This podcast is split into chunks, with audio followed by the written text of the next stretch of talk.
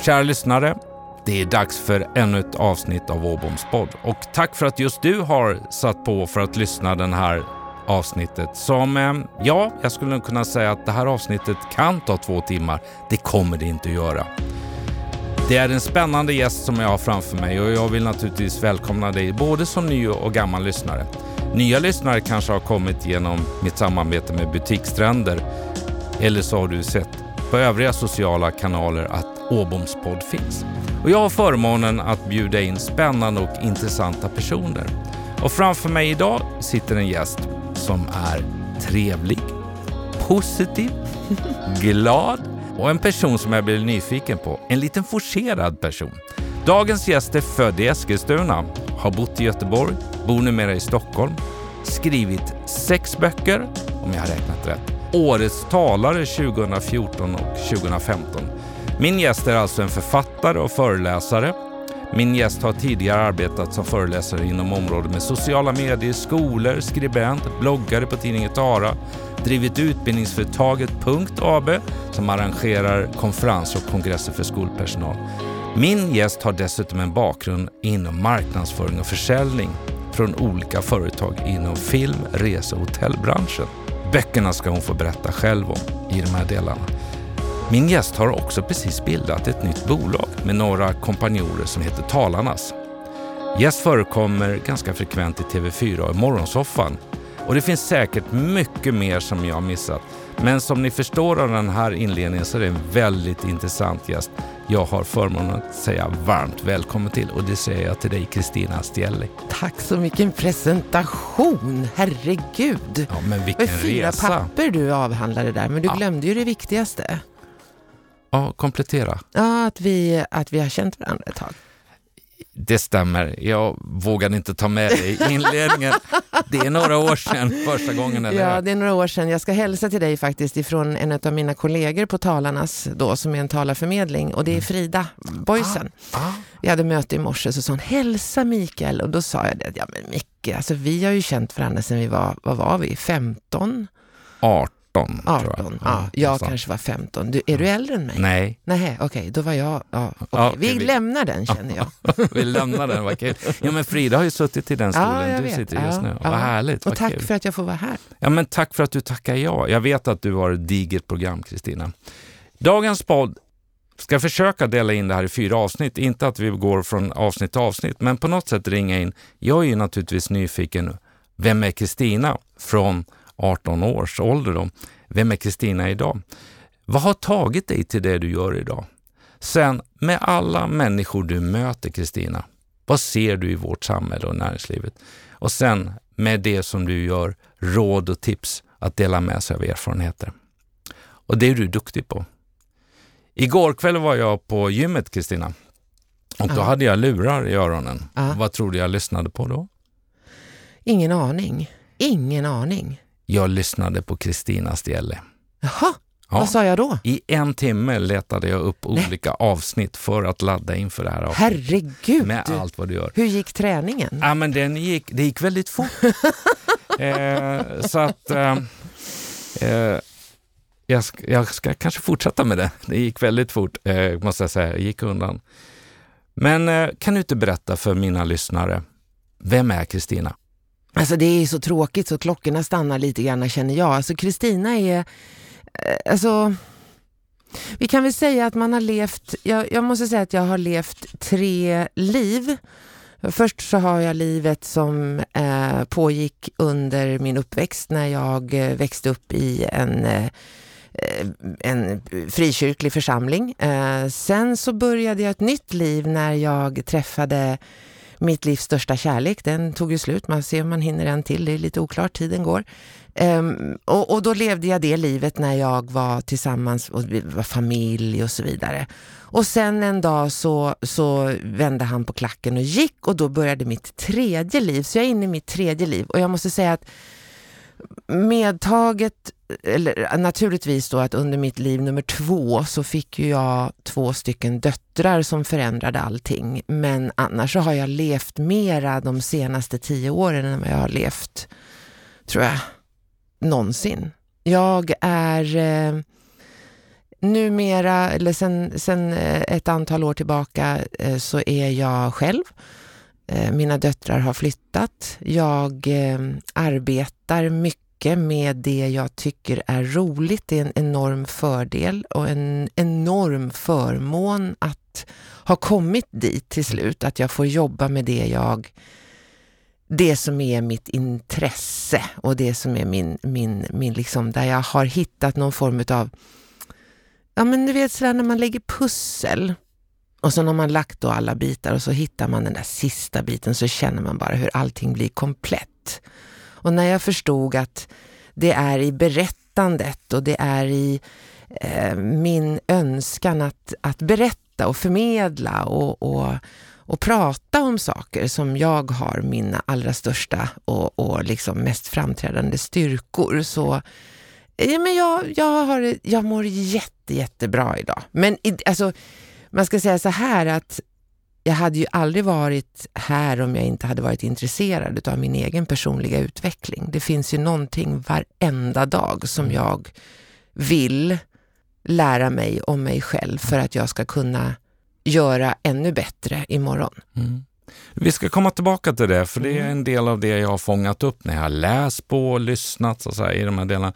Men jag är lite nyfiken från när vi träffades då runt, vi, vi säger att det var runt 18-årsåldern någonstans där, plus minus, när vi träffades och första gången och den resa som du har gjort. Var, var någonstans jackade du i och sa nu ska jag bli författare, nu ska jag bli föreläsare mm. och bli det starka eh, och välkända varumärke som du är Kristina. Mm jag vet ju precis när det var och vad jag ville liksom, vad jag sitter och funderar på lite grann, det finns ju så många gånger man säger ångrar du någonting? Och det kan jag inte säga att jag gör. Jag ångrar inte att jag eh, inte tog mig ut ur kyrkan förrän jag var 25. Även om jag så här i efterhand hade önskat att jag hade gjort det tidigare. Eller mm.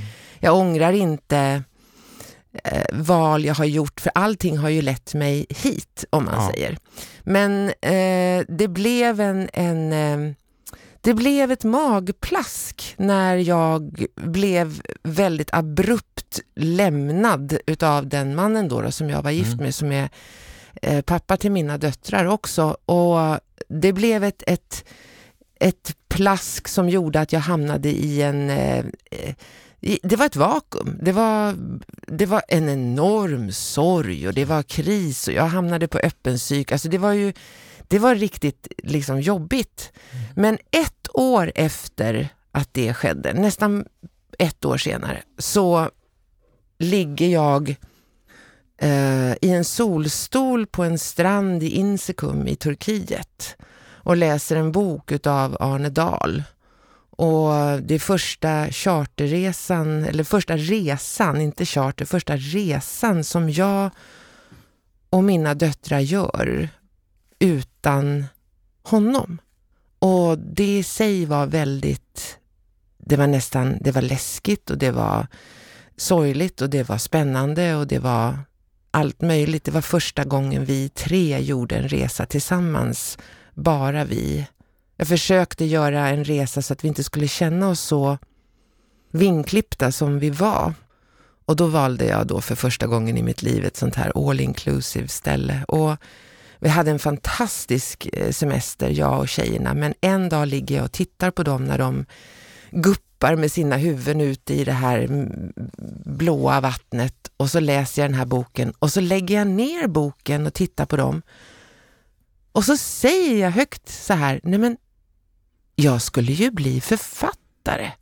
Och det var som att om man spolar tillbaka så här i en film så kommer man tillbaka till klassrummet när jag gick i 8-9. Då visste jag att jag skulle bli författare. Mm. Och sedan kom livet liksom och störde med, ja du vet så här, saker som händer och flytt och förälskelser och relationer och så kom man med barn och mm. allting bara.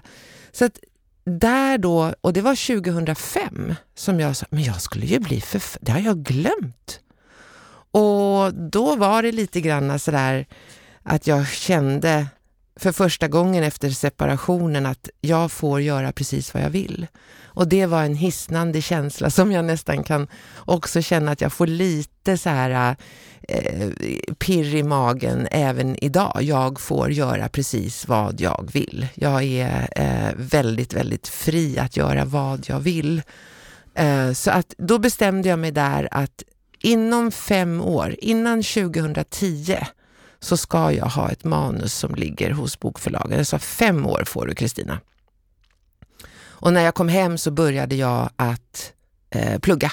Mm. Och då så pluggade jag författare, alltså då, då gick jag på Skrivarakademin. Men hade du något annat jobb parallellt med det här? Ja, jag jobbade då. Eh, det, det, gjorde jag. Ja. Jag jobbade med min eh, pappa som okay. hade ett eh, utbildningsföretag. Så att, eh, det gjorde jag. Men eh, då började jag då och han var så snäll. Han sa det för att då var det liksom heldag varje fredag så var det Skrivarakademin och då fick jag ledigt varje fredag. Eh, och mm, sen 2010 så kom då min första eh, roman. Och mm, det var, eh, nej men det, det var så det började faktiskt. Med författar, författare, författandet.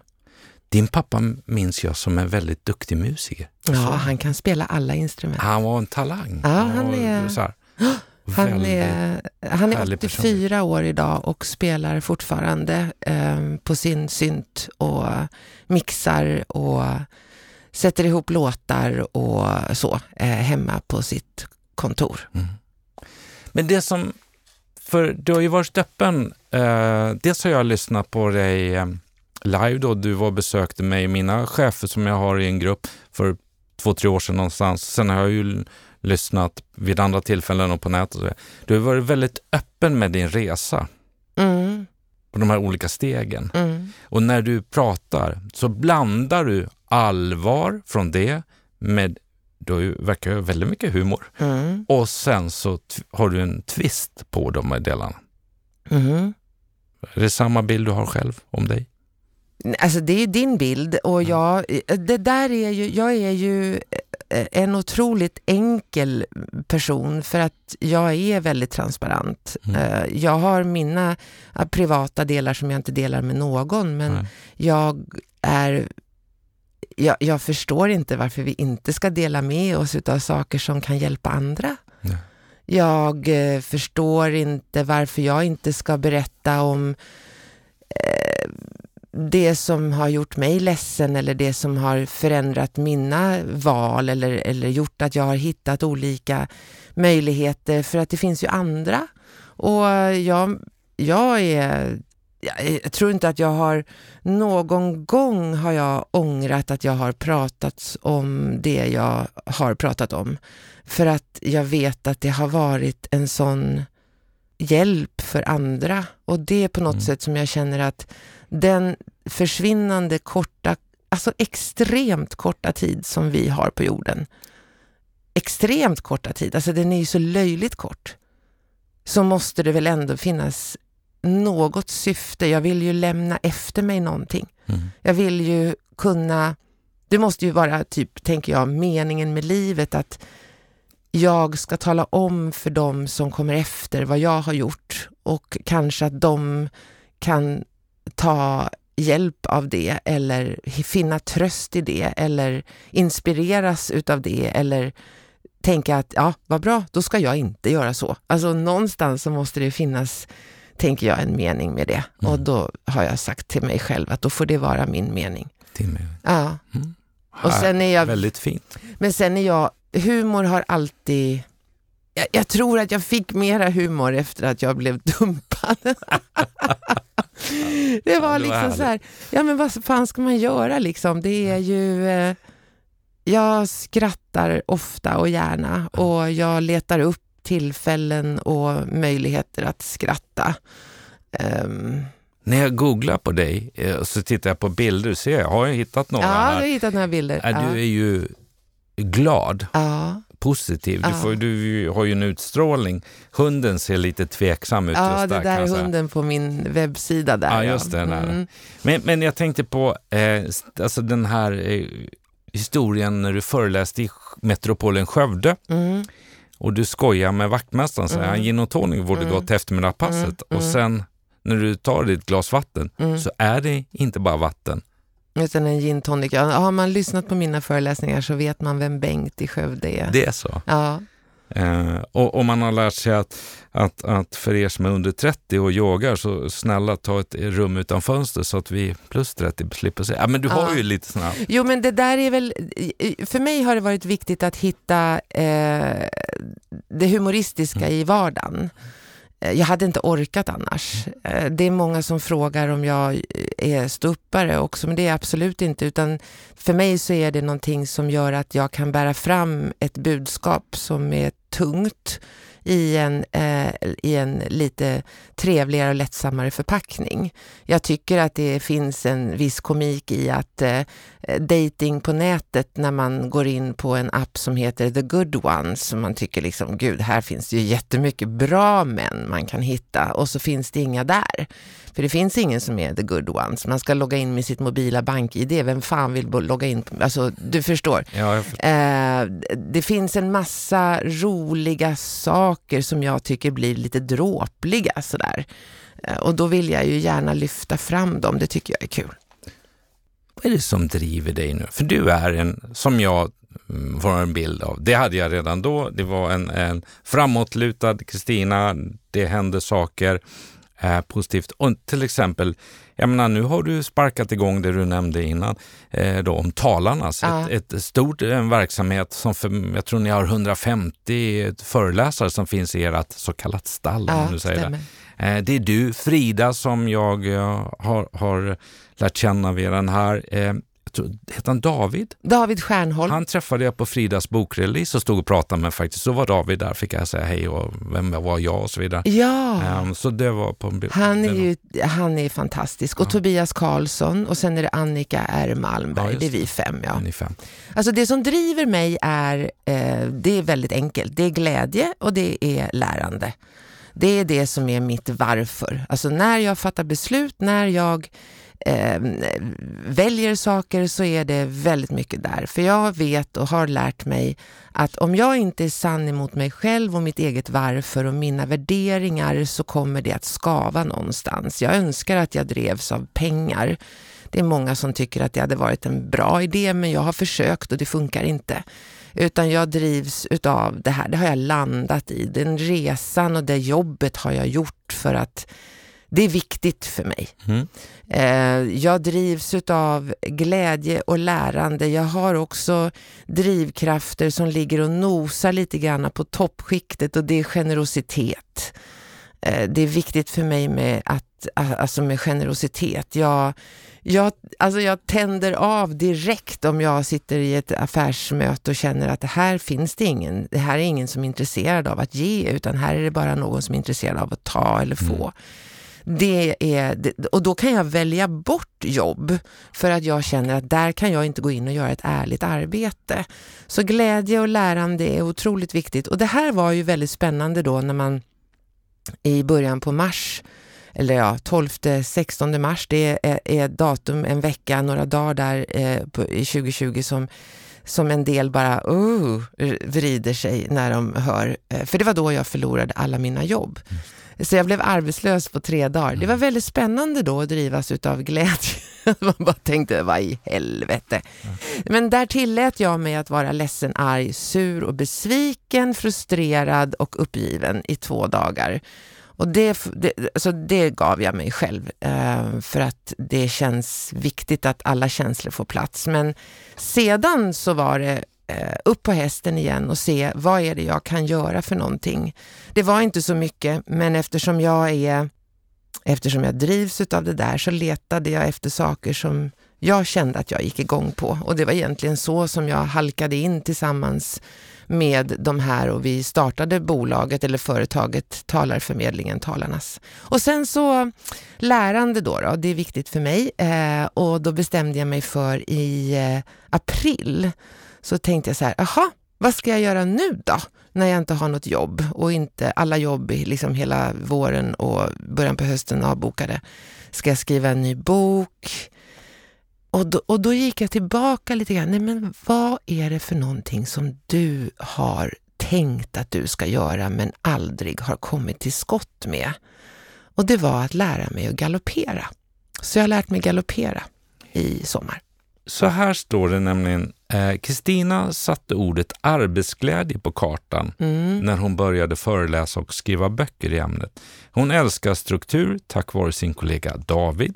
Hon är torpeden som får saker att hända Mm. och oss andra att skratta och svettas. Hon springer hellre än cyklar, pratar gärna italienska och har ägnat sommaren åt att lära sig galoppera. Och det fångade jag och så tänkte jag, vad menar hon med att, eller med att hon har lärt sig galoppera? På en häst. Är det så? Ja, Okej. ja så att jag, eh, jag rider, alltså det är västernridning så det är inte rid eh, alltså med vita stövlar eller svarta stövlar och vita så här, kråsskjortor utan här är det jeans och boots och eh, liksom täckjacka och handskar och sen rider man liksom med en enhandsfattning Mm. eh, i väldigt stora sadlar med sadelhorn och, och, och grejer och ett särskilt bett eh, för hästen. Så det har jag gjort i sommar tillsammans med en kompis ute på Södertörn som har hästar. Vad häftigt. Man har lite lätt ont i kroppen efter det men det är det så värt. Det kan jag förstå. Jag bor ihop med min fru. Ja, vad, tu, vilken tur. Ja, det är väldigt Ja, tur. trevligt. Eh, jag fick ett väldigt eh, peppande sms innan jag gick in i poddstudion. Härligt start på veckan och eh, hon rider. Så jag har varit med och kollat några gånger. Men det är inte västernridning, det är dressyr eller vad det heter. Men häst i alla fall. Nej, det, Det är det, hade inte jag Mm. klarat. Och Ja. hon bad mig följa med vid ett tillfälle och hjälpa henne köra en hästkärra. Det gjorde jag. Sen sa hon, håll i hästen så ska jag bara kolla var vi ska ställa den. Sen glömde hon bort mig så jag stod på en parkering i 45 minuter och tittade på den här hästen. Och Oj, stå still. Sen, det gick tänk- bra. Hon hade helt glömt bort mig när de byggde upp banan. Så, var, så är det. Har jag suttit på en hästrygg? Nej, jo islandshäst, men resten har jag lämnat. Men du har stått och haft ett nära, ett, ett intimt samtal med en häst i Ja. 45 minuter. Ja, det hade jag på ja, parkeringen där. Trevligt. Ja. Mm, stod den still? Nej, ja, i princip. Ja. Vi gick runt dit, sen fick äta och så här, liksom, där det fanns Ja. lite grann. Det var inte så mycket där vid bilarna kan jag säga. men. Lite grann. Men jag gillar hästar, jag gillar djur så Mm. jag, jag hanterar det. Men, men eh, jag känner mig lite ensam med en stor häst om man inte är van kan jag säga. De är ju stora. De är ju vrålstora. Jättestora, ja. Tillbaka till talarna så skriver det så här. När vi bildade talarna så var vi överens om att vi också ville arbeta för att göra världen lite bättre. Därför arbetar vi konkret och detaljerat med, mot FNs globala mål och tack vare då ett partnerskap med Selmelöv och Björkman Foundation genererar varje förmedlat uppdrag ekonomiska medel till stiftelsens arbete för barn och ungdomars ut, utbildning och trygghet i Kenya. Ja. Så lärande, syftet, generositet. Det finns en röd tråd i det här. Det finns det absolut. Eh, lärande är, eh, det, det finns det absolut. För att när vi pratade då och började med att, att bilda det här, grunden till det, den här talarförmedlingen, så var vi Eh, väldigt överens allihopa om att lärande, om vi nu jobbar med det, alltså lärande, utveckling, kompetens, kunskap, det är ju vad våra föreläsare och vad vi alla jobbar med. Vi står ju på en scen eller framför en kamera numera och pratar om saker som vi vill lära ut. Det är, och det vet vi, ett en otroligt viktig nyckel för att utrota fattigdom i världen.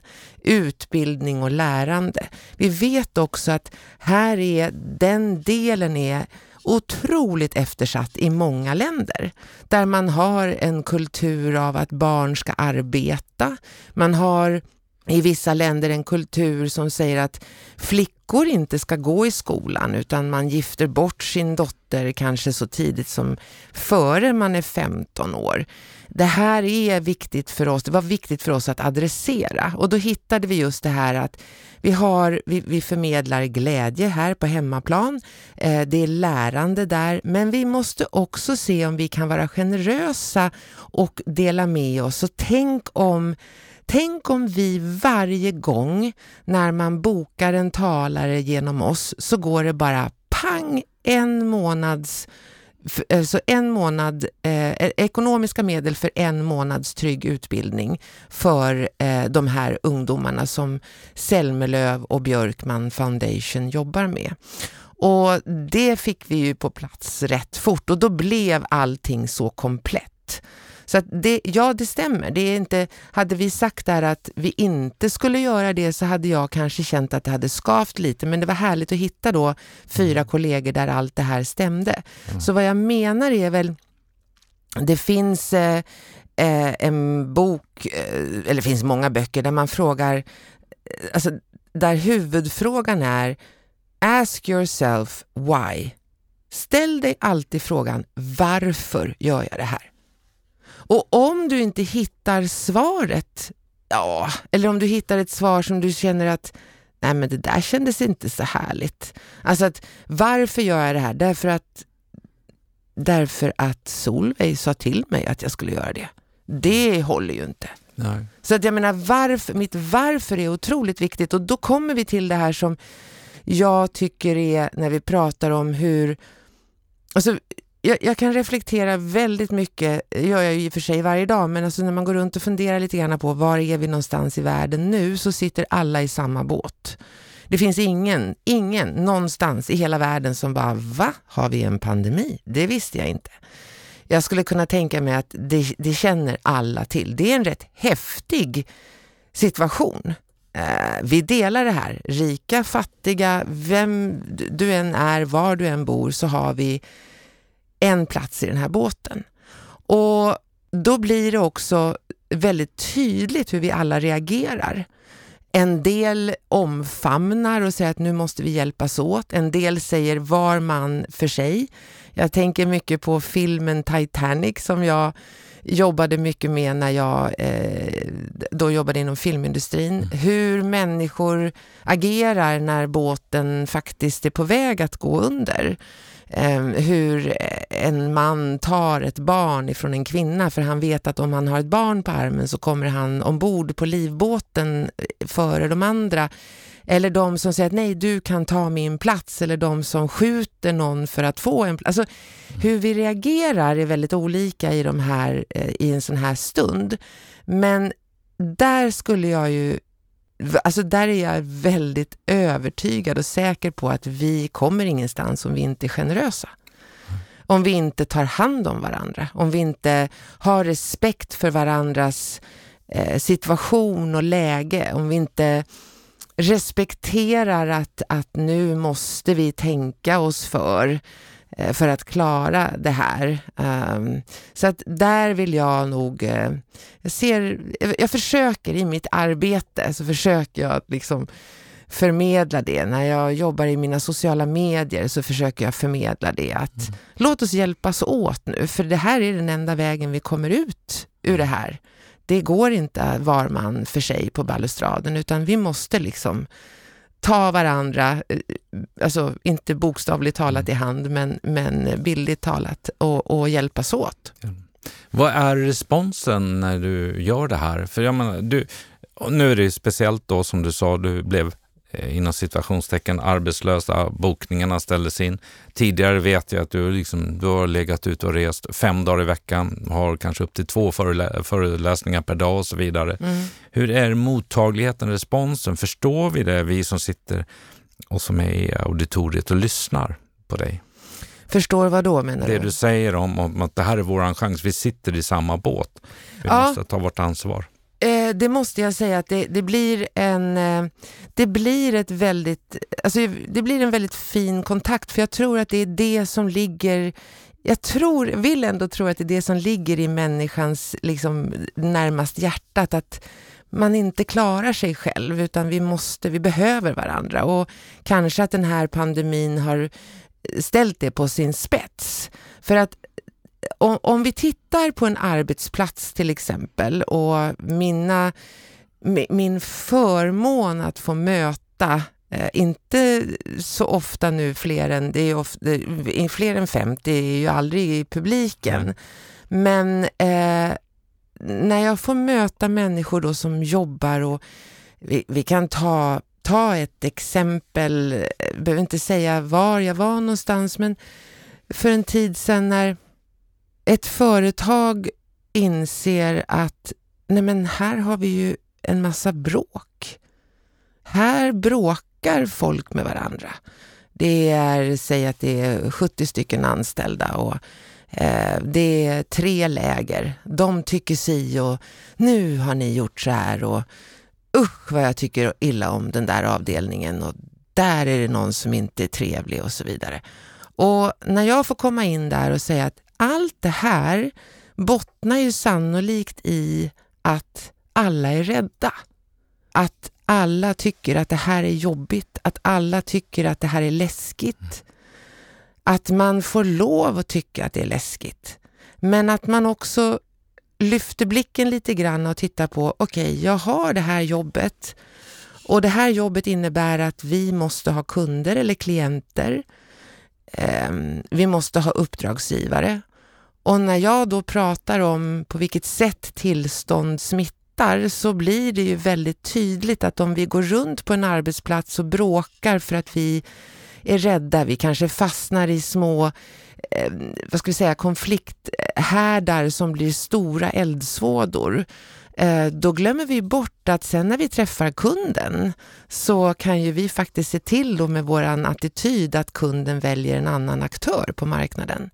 För jag är rätt säker på att de flesta, om man inte har en monopolställning, jag brukar fråga, jag frågade faktiskt ett företag för en tid sedan, ehm, ett eh, försäkringsbolag, mm. så, har ni monopol på saker här? Och då sa de att ja, vi är bäst. Nej, det, det, det tror jag faktiskt är en, en, en rätt liksom, subjektiv mm. uppfattning. Ja, men vi gör ett jobb, vi gör jobbet jättebra. Ja, fast det kan alla säga. Vad är det som gör att jag kommer och köper försäkringar av er? För jag kan ju försäkra min bil på ICA numera, eller hur? Mm. Ja. Eh, och då kommer vi ner till det här som blir så tydligt idag. Det handlar om människan. Det handlar om vilken, vilket bemötande jag får. Och i december 2019 så kom en studie som var väldigt spännande som sa att den första personen jag möter på ett företag avgör vad jag tycker om alla. Och du får, vet du hur många sekunder du får på dig för att göra ett första intryck? Det är inte många. Sju. Det är sju mm. sekunder. Mm. Och, och, då blir det väldigt tydligt, om vi nu lägger ihop det här pusslet lite grann, att jag kommer in, jag, eller jag ringer, jag ska köpa en försäkring. Mm. Och sen har jag, då får jag prata med en person som tycker att allting är jättejobbigt och mm. det är så tråkigt med den här pandemin och där inne på den där ekonomiavdelningen fattar ingenting. De fattar ingenting. De bara går och gnäller. Och så får jag prata med den här personen. Då hör jag att nej, men alltså, jag tycker inte att det blev så mysigt det här utan jag ringer någon annan. Mm. För det kan jag göra. Och så lätta och så snabba har vi blivit och det tror jag hänger ihop med den klickkulturen vi har. När man nu ser till och med att jag prenumererar på extremt många eh, tidningar eller dagstidningar från olika delar av världen för jag vill ja, veta mycket. Mm. Mm. Eh, och då står det ofta så här, den här artikeln tar tre minuter att läsa. Så alltså så ska jag då kunna gå in och avgöra, okej, okay, hinner jag bli, hinner jag lära mig det här på tre minuter eller är tre minuter för mycket tid? För att jag ska lära mig det här. Det blir en spännande liksom, eh, ett avvägande där som skrämmer mig lite grann, men så snabba är vi. Vi, är inte, vi sitter inte och väntar för länge, utan vi vet att vi kan få någonting direkt. Och den här tiden när man kopplade upp sig på nätet och man hade ett modem som man satte på innan man började laga mat och sen när man hade ätit upp middagen så var man förhoppningsvis ute på internet. Eh, innan farmor ringde och bara bröt allting igen. Ja, men det var ju en annan tid. Så därför så menar jag så att vi behöver ta hand om oss själva. Vi behöver förstå att oavsett pandemin, och den är förjävlig, eh, så måste vi ta ett ansvar på arbetsplatsen för att vara den medarbetare som hjälper till att få den här verksamheten att fungera, även när det är skitigt. Och det gör vi genom att ta hand om varandra mm. och inte fastna i de här små konflikthärdarna som snabbt blir mm. ett arbetsmiljöproblem. Tror du att vi, med tanke på den här eh, som du benämner och klickkulturen och vi får det, vi matas ju på ett helt annat sätt än vi gjorde för 20 år sedan mm. med grejer helt klarar vi av det här? Vi påverkas och vi är väldigt snabba till att dra slutsatser mm. eller ha kanske som jag också kallar lite läktarmentalitet. Man mm. Klarar vi av det här just nu? Det tycker jag inte alls att vi gör. Nej. Alltså jag tycker det, det, man behöver bara titta, fast nu undviker jag det eftersom jag gärna vill börja min, min dag på ett bra sätt. Man sätter på liksom, nyheterna, ser det amerikanska presidentvalet, man bara ah. För att jag mm. tycker att där har ju, det, alltså när, när Twitter kom, alltså det är 140 tecken, du måste vara väldigt skarp, 140 tecken, säg vad du tycker och sen bara ut med det. Det är klart att vi har misslyckats. Jag tror att eh, det också, jag tror att pandemin måste ha någonting gott med sig. Att det kanske till och med blir så att vi sedan, eh, eller redan nu, eh, och poddandet och, och, allt det som, som du också då bidrar med i det här, att vi vill ha de här samtalen. Mm. Där vi måste fråga när någon säger att jag tycker så här, att istället för att säga nej det tycker inte jag, var nyfiken. Fråga, berätta mer. Hur kommer det sig att du tycker så? Du behöver inte hålla med, men du kan ju sätta dig in i Alltså ha de här samtalen som inte går parallellt eller där det är ett krig, utan att du har samtal där du är nyfiken. Jag pluggade under sommaren också kommunikation eh, på distans och det är ju, det är ju liksom det är inte konstigt att det finns krig i världen för det är fan svårt att kommunicera. Mm. Och jag tror kanske att vi behöver hitta tillbaka till den konsten.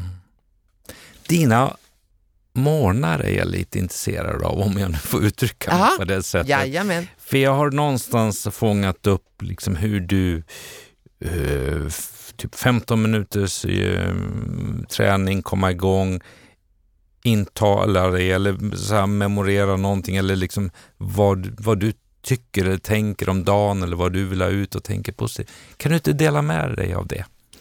Eh, jo, absolut. Jag lämnar ju inte sängen förrän jag har en plan med dagen. Mm. Det är viktigt för mig.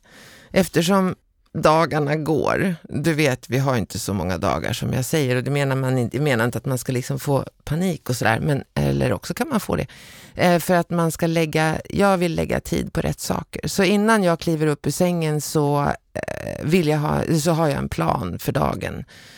Eh, I morse tog det eh, faktiskt, eh, jag vaknade och sen så tog det faktiskt tror jag 12-13 minuter innan jag gick upp eh, innan jag liksom fick klart för mig, vad är min plan idag och vad är mitt varför? Vad är det för syfte jag har med den här dagen? Vad är det för någonting som ska bära mig igenom den här dagen?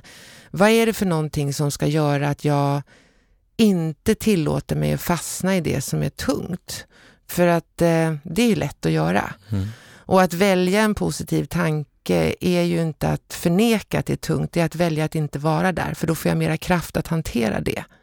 Så att för min del så är faktiskt, eh, planen var ju naturligtvis att komma hit. Tack. Eh, varsågod. Eh, och eh, eh, jag är så glad för alltså, att vi hittade varandra igen efter så många år. Ja, samma. Eh, och sen är faktiskt ett syfte idag, jag är ju väldigt nyfiken.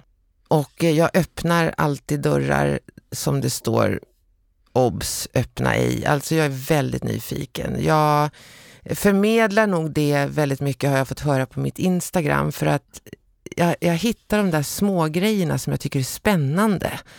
Eh, igår var det någon som hade försökt att kasta en termos i en, i en eh, publik sophink och den liksom hade inte kommit ner. Jag tänkte så här, varför kastar man en termos där? Och så tänker jag, det kanske var en familj som... Jag har väldigt mycket, och det är väl därför som jag tycker om att skriva också, väldigt mycket fantasi och nyfiken. Så, mm. med det sagt så är jag faktiskt en viktig sak för mig idag, det är när jag lämnar här så ska jag gå till ett nytt möte och då ska jag gå en rätt lång sträcka och behöver röra på mig och tycker om det. Och på den vägen ska jag hitta en helt ny restaurang och äta lunch på. Det blir väldigt spännande. För jag vet inte ens, jag måste hitta en karta. Jag vet inte ens hur jag ska gå. Så det är min. Så. Vi, vi kanske kan fråga om de har en sån här i studion, den här gamla med gula sidorna i Ja, telefonkatalogen med kartorna. Ja, Det har jag för övrigt eh, ta- snott en hel del när man var ute och reste förr, för man behövde det. Vilken, man behövde ja, papperskartorna. för att överhuvudtaget ta sig vidare. Ja, Vilken skillnad. det är en skillnad. Och det där är också... Det, där, det, där, det ligger för mig någonting där också, att jag brukar säga det att om man inte kör vilse så kommer man aldrig rätt.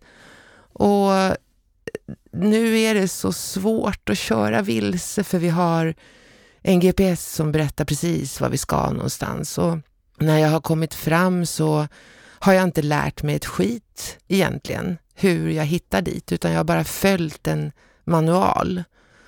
Ehm, och, och därför blir det extra spännande för mig. Jag upptäcker ju mycket mer när jag går vilse än om jag följer en, en GPS. Mm. Ehm, och så många gånger som jag har gått vilse så, i livet liksom, så jag är tacksam för det, för annars hade jag ju liksom aldrig hittat rätt. Ja. Man ska inte vara rädd för att gå vilse. Om du då har kommit fram till att det är till och med då både spännande och utvecklande att gå vilse, Kristina. Var har vi Kristina om fem, åtta år? Eh, om fem, åtta år, Ish, som man Ish. säger. ja, om, jag, om jag får leva då så skulle jag säga att eh, jag vet inte var jag befinner mig någonstans. Det är faktiskt en, en liten, eh, det är en sån där eh, underliggande mm, fundering som jag har haft nu sedan ett år tillbaka. Var ska jag vara någonstans? Men jag vet att jag är jag, jag vet att jag är eh, på rätt plats. Jag vet att jag fortsätter att berätta. Jag vet att jag fortsätter att förmedla det som jag ändå har lärt mig. Jag vet att jag kommer att vara väldigt stolt över att vara så gammal. Ibland kan jag känna så här att Gud, kan du säga att du vet sånt där? Ja, det kan du, för du är ju så jävla gammal. Eh, jag har många idoler som jag har haft under, liksom, det har alltid varit de här som har varit liksom lite klokare. Jag ser fram emot det. Eh, jag är sannolikt fortfarande själv, för jag trivs väldigt bra med det. Mm. Jag ser mig själv, men det är inte säkert, men jag ser mig själv eh, med en kopp kaffe på en första trapp någonstans i solen facetimar med mina döttrar som fortfarande bor utomlands. Jag känner, jag känner mig väldigt, det känns väldigt, eh, jag känner mig trygg inför framtiden för att jag känner att oavsett vad som kommer att ske och jag vet att jag har en del extrema utmaningar framför mig. Alltså, jag kommer att förlora någon som står mig väldigt nära, det vet jag Mm. så känner jag mig trygg eftersom jag är, är så välbyggd Mm. i mig själv just nu. Och då kan jag se, eller säga till er lyssnare att när Kristina berättar om det och jag tittar henne i ögonen så är det inte några ögon som flackar något utan de, de visar också en trygghet i det du står. Det Mm. syns. Med, det, med all den klokskap så tänkte jag att du ska också för, försöka att dela med dig så här, vad, för vad du har lärt dig och samlat på dig. Vad behöver sådana som jag? Eh, det ska du få säga och, och mina lyssnare. Men jag är också lite nyfiken eftersom du, du har en plan, du tänker och idag tog det 12-13 minuter och så vidare. Hur laddar du energin för att klara varje dag och varje vecka med det du gör? Hur, hur, hur är du duktig på att tänka på dig själv och ladda dina batterier? Eh, jag är ju extremt lat. Eh, jag är ju extremt lat så att eh, jag laddar genom att eh, ja, ja, ligger och tittar på film, eh, älskar serier, eh, inga romantiska komedier utan det ska helst vara lite mord och läskigt och sånt Okej, där. Ja. Mm. Jag laddar energi genom att prata med mina vänner. Väldigt mycket telefontid har jag. Eh, jag laddar energi genom att prata med pappa varje dag, genom att prata med mina döttrar. Jag laddar, jag laddar genom att, och det är också ett form av mindset, för jag skulle ju kunna gå upp ur sängen på morgonen idag och säga att gud vad det är kallt ute, jag orkar inte mer det här. Mm. Nu kommer hösten, nu blir det mörkare och mörkare. Mm. Om en vecka så är det vintertid, då blir det ännu mörkare. Och kaffet, fy fan vad det smakar äckligt alltså. Jag har fortfarande inte lärt mig hur man ska göra sånt där gott kaffe. Orkar inte mera jävla näskaffet. Det kan jag ju. Mm. Men för mig är det ju bara, inte tänka positivt, det är ju bara att hitta det som är bra. Det är viktigt för mig. Um, att känna när jag sätter fötterna i golvet på morgonen att okej, okay, den här dagen har du fått. Varsågod och tugga i dig den. Uh, och gör det på det sättet som du tycker Alltså, det är lite grann, vad vill jag känna när jag går och lägger mm. mig ikväll? Vill mm. jag känna, vad i helvete vilken dag det här var? Eller vill jag känna bara, mm, det här blev en rätt så okej okay dag. Mm. Eh, så det är viktigt för mig och, och att eh, ladda energi och få motivation, som många frågar, hur får man motivation nu då? Men det handlar om att agera efter vad, du är, vad som är viktigt för dig, vad som är ditt varför, vad som är mm. din drivkraft, vad som är din liksom, bottenplatta. Mm. Och när jag kliver upp så är det glädje och lärande och generositet. Alltså jag får energi när jag går ner till min kemtvätt och pratar med Soheil och frågar hur är det med familjen i, vad det nu är han bor, eller vad han nu har. Men alltså det, det är liksom, det är det, man, det ger mig energi. Mm. Att gå runt i min stadsdel där jag bor och, och hej Kristina, var har du varit? Och hej, hur är det? Och, nej, men det är underbart. Det är mm. sånt som ger mig energi. Att eh, gå ut och möta livet. Intresse bara, Lina. För jag förstår att intresse är inte att åka till golfklubben. Inte mycket. Nej, och inte att åka motorcykel heller. Nej. Nej. Uh, ja, ja, ja. Vad, vad, vad gör du utöver att du tittar på filmer med gärna lite mood-touch och så vidare? Har du något annat intresse? Alltså, nej, men det, det, är ju mitt jobb. Det är ditt jobb. Eh, jag är ju så här, när jag har liksom jobbat klart, jag jobbade, jag jobbade i helgen med mycket administration, mycket som, ska liksom, som måste göras och sådär. Så känner jag bara, nej, när jag hade satt mig och tittade då liksom klockan halv åtta, så satt jag mig och tittade på en sista delen av en serie som jag tycker var åh, så bra. Eh, så i alla fall då så tänkte jag efter att jag är sugen på att skriva någonting. Alltså det skrivandet, det är det, det, det och det jobbet som jag gör och, och, det är inte särskilt betungande när det man jobbar med är så roligt. Så att eh, sen finns det ju eh, så tråkiga saker också, men det är det. Eh, mina intressen är det. Jag, eh, mina intressen är att se till att ta hand om mig själv, så jag springer väldigt mycket. Mm. Och det att jag går till gymmet och snackar lite grann med dem. Och mina intressen är att vara mina intressen är sociala relationer och sociala interaktioner.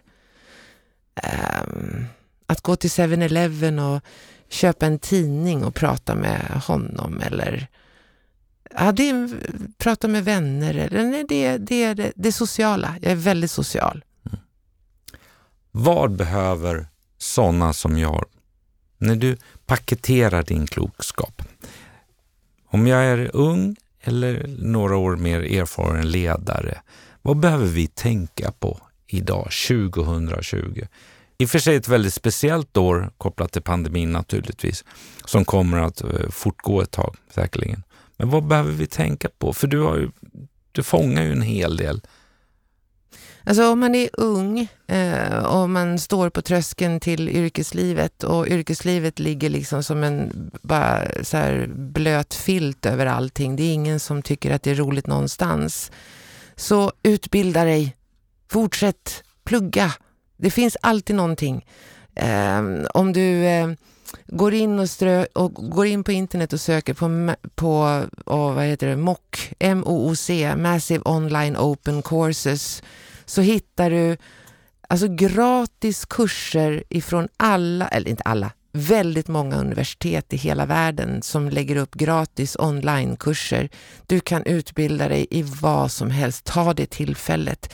Utbildning är underskattat och då har vi ändå mm. skattat det rätt högt.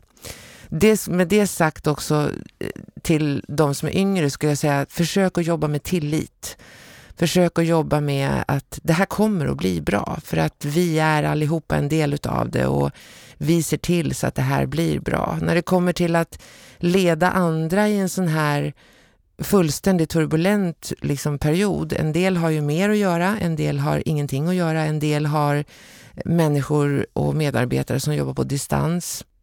Så är det återigen, alltså nu är det ärlighet och transparens tror jag som gäller. Vi, eh, eh Eh, vi behöver möta varandra. Eh, det är okej okay om man är ledare att tala om att man också är rädd. Eh, det är okej okay att vara ledare och säga att det här måste vi göra tillsammans. Jag behöver eran hjälp. Det är viktigt att vi bottnar i de värderingarna som vi har och att vi alltså, krokar arm och hjälps åt. Eh, jag tror inte att vi klarar det på annat sätt. Ehm, så att jag, jag, det, jag tror att den här empatiska ledarstilen eh, den här eh, värdegrunden som man har på för det, det är där vi måste bottna lite grann. Det är ingen som vill ha en chef som, eller en ledare som säger att det här kommer vi att lösa galant hörni. Och sen så inget mer, utan det är viktigt att vara ärlig och transparent nu tror jag. Mm. Jag delar den. Det är otroligt viktigt. Ja, visst är det det. Ja, i dessa, inte minst i dessa tider att vara... Vi, vi tog ett tidigt beslut att informera, kommunicera med alla våra medarbetare ja. som är strax under 1000, 950. Ja. Eh, så snabbt som möjligt. Och då sa vi även att har vi inget att kommunicera så kommunicera ändå. Precis. Och säg det så att de vet att vi finns där, vi är där, vi är närvarande. I, ehm, förra veckan så åkte jag ut faktiskt ett kontor. Jag kände abstinens, jag måste få komma. Så jag var på ett kontor och satt och jobbade där i Uppsala och fick eh, morgonkaffe ihop med personal, fick också ah. lunch och sitta ner och prata. Och ah. Det ger mig så mycket och, och, då kunde jag också på tur man hann sitta ner och förklara eller informera på ett helt annat sätt. Varför gör vi det? Vad är viktigt nu? Och så får man dialogen. Den ska jag väl säga är så viktig i det här. På något sätt det, det närvarande och synliga ledarskapet och öppna ledarskapet. Exakt. Där. Det är en, där är ju du, precis, det är som en förebild så. För att det, det, jag tror att det är otroligt, otroligt viktigt att, eh, att vara där. Och där är också någonting som pandemin, som jag tror är, eh, den kommer att föra med sig väldigt mycket bra saker också. Mm. Att det är, nu skiljer vi agnarna från vetet. Eh, för att som ledare kan du inte chefa över din personal, utan nu är det, eh, nu är det verkligen det, det mänskliga ledarskapet som är viktigt. Vi har sagt att vi kan ju inte garantera att vi i en sån här tid fattar 100% perfekta beslut hela tiden. För ingen har liksom facit på vad det här tar vägen. Men det vi kan garantera våra medarbetare, det är att vi är engagerade, närvarande och fattar beslut för att det ska bli så säkert och bra för oss som möjligt. Precis. Och att de ska känna det. Ja. Det har vi varit noga med att understryka. Ja. Det, det, det, tycker jag låter som någonting som de flesta skulle kunna ta en copy-paste på. Mm. Kristina, mm. jag skulle gärna vilja sitta en timme till för egen skull för att få lyssna på mer. Och jag har ju skrivit flitigt som du säger, jag ska summera snart.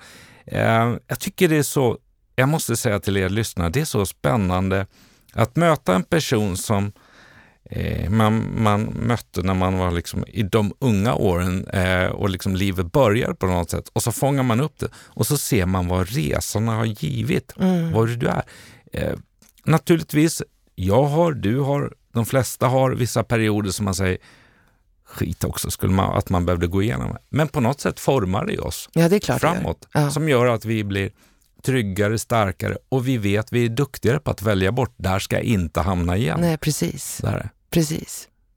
Jag tycker det har varit så spännande att få lyssna på, på en person som jag då eh, såg i en annan tidsepok. Ja, som jag såg för en helt annan tidsepok. Nej, lite så här, vad härligt -huh. eh, kring det. En timme går väldigt fort. Ja, det gör ju det. Ja. Den går vansinnigt fort. Alltså, tid, det är också någonting som vi har pratat om, eller hur? Att det är viktigt att ta ansvar för den tiden som vi har. ja.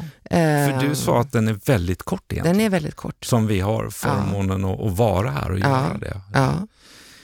Jag har eh, fått sitta ner i snart en timme och samtala med Kristina eh, som har en dimension att säga. Jag har en period i livet som är min uppväxt.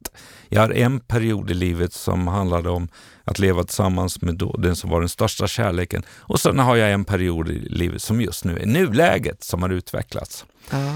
Jag har träffat Kristina som har en plan för dagen innan hon går upp. Och i morse tog den ungefär 12-13 Ja. minuter att finna. Eh, Kristina är väldigt nyfiken och sen är hon extremt lat som hon sa. Jag, jag tror att det är en viss del på dygnet som Kristina är extremt lat. I övrigt tror jag faktiskt inte att det var en riktigt ärlig bild. För när man hör vad hon har gjort och när man läser så, så kan man inte vara lat kring det. Du pratade om pusslet som du har lagt, som du gör. Eh, önskan att få dela med sig. Och någonstans 2005 på en strand med döttrarna så låg du och läste en bok som öppnade upp ögonen och som gjorde att 2010 så släppte du din första bok. Det stämmer. Och mycket har handlat om för dig, vad är drivkrafterna i ditt liv framöver? Ja, men det är glädjande och lärande och också generositet. Mm. Och det är ju så härligt att höra Mm. kring de här. Och det har du landat i. Eh, lärande är viktigt och det har du sagt till unga människor. Satsa på utbildning, lär er vad som är tillit. Till oss ledare som har varit med lite längre har du sagt ärlighet och transparent är viktigt i dessa tider. Mm. Och våga kroka arm med varandra. Ja. För att vi behöver det nu för att ta, den här, ta oss igenom den här pandemin. Varför gör jag det här? En viktig fråga. Du ställde frågan, Mikael, innan vi började, Mikael, varför gör du den här podden? Mm. Och så pratar vi om det. Mm. Har du ett mening? Och kommer du fram till ett svar att du inte vet det eller det är inte vad du vill, men gör det inte då. Eh, vi sitter i samma båt. Ja, det gör vi i ett bolag, det gör vi i en familj eller det gör vi i pandemin. Och då måste vi liksom bidra med den roll som man har där. Människan, ja, sju sekunder nämnde du. Mm. Det handlar om att, att komma in och få ett första intryck. Mm. Det tar max sju sekunder. Och det är en utmaning, inte minst när vi lever i klickkulturen, Mm. som där vi matas om det här. Men eh, allmänt, Kristina, du har en väldigt nyfiken inställning till livet. Och ehm, jag tycker det här var fantastiskt spännande. Och du sa en sån här, kör vilse för att hitta rätt någon Ja, gång. Man man måste göra. våga göra Ja, det måste man göra. kring det här. Ja. Eh, en resa som började i Eskilstuna, som landade i Göteborg, som landade i Stockholm till 2010 till första boken och nu till Åboms podd. Och den kommer ju bara fortsätta. Mer om det kan ju alla mina lyssnare få ta del av om man går in på din hemsida, Mm, kristinastielli.se, eller hur? Ja, kring de här precis. delarna. Ja.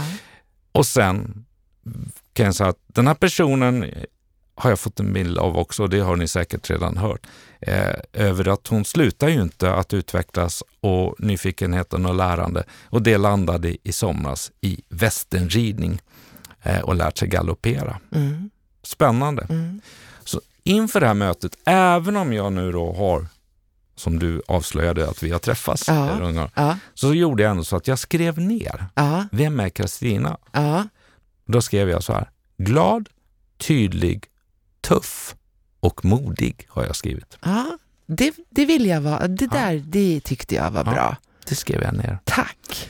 Härligt! Stort tack för att jag fick bjuda in dig och ha det här samtalet och framförallt att du var så generös och bjöd på, på det här till mina lyssnare, Kristina. Mm, tack själv. Du sa till mig att jag skulle ta fram en låt. Ja, vi ska avsluta med någon låt som du är den bästa låten eller som du gillar eller som är i rätt mod.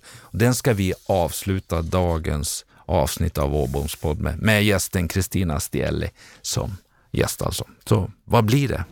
Det blir Lale, en stund på jorden. En stund på jorden. Mm. Tack och jag önskar dig allt gott med allt du gör och tack för att du fortsätter med det här fina arbetet du gör. Tack själv Micke, verkligen. Och tack för att jag fick komma. Var rädd om dig. Detsamma. Tack.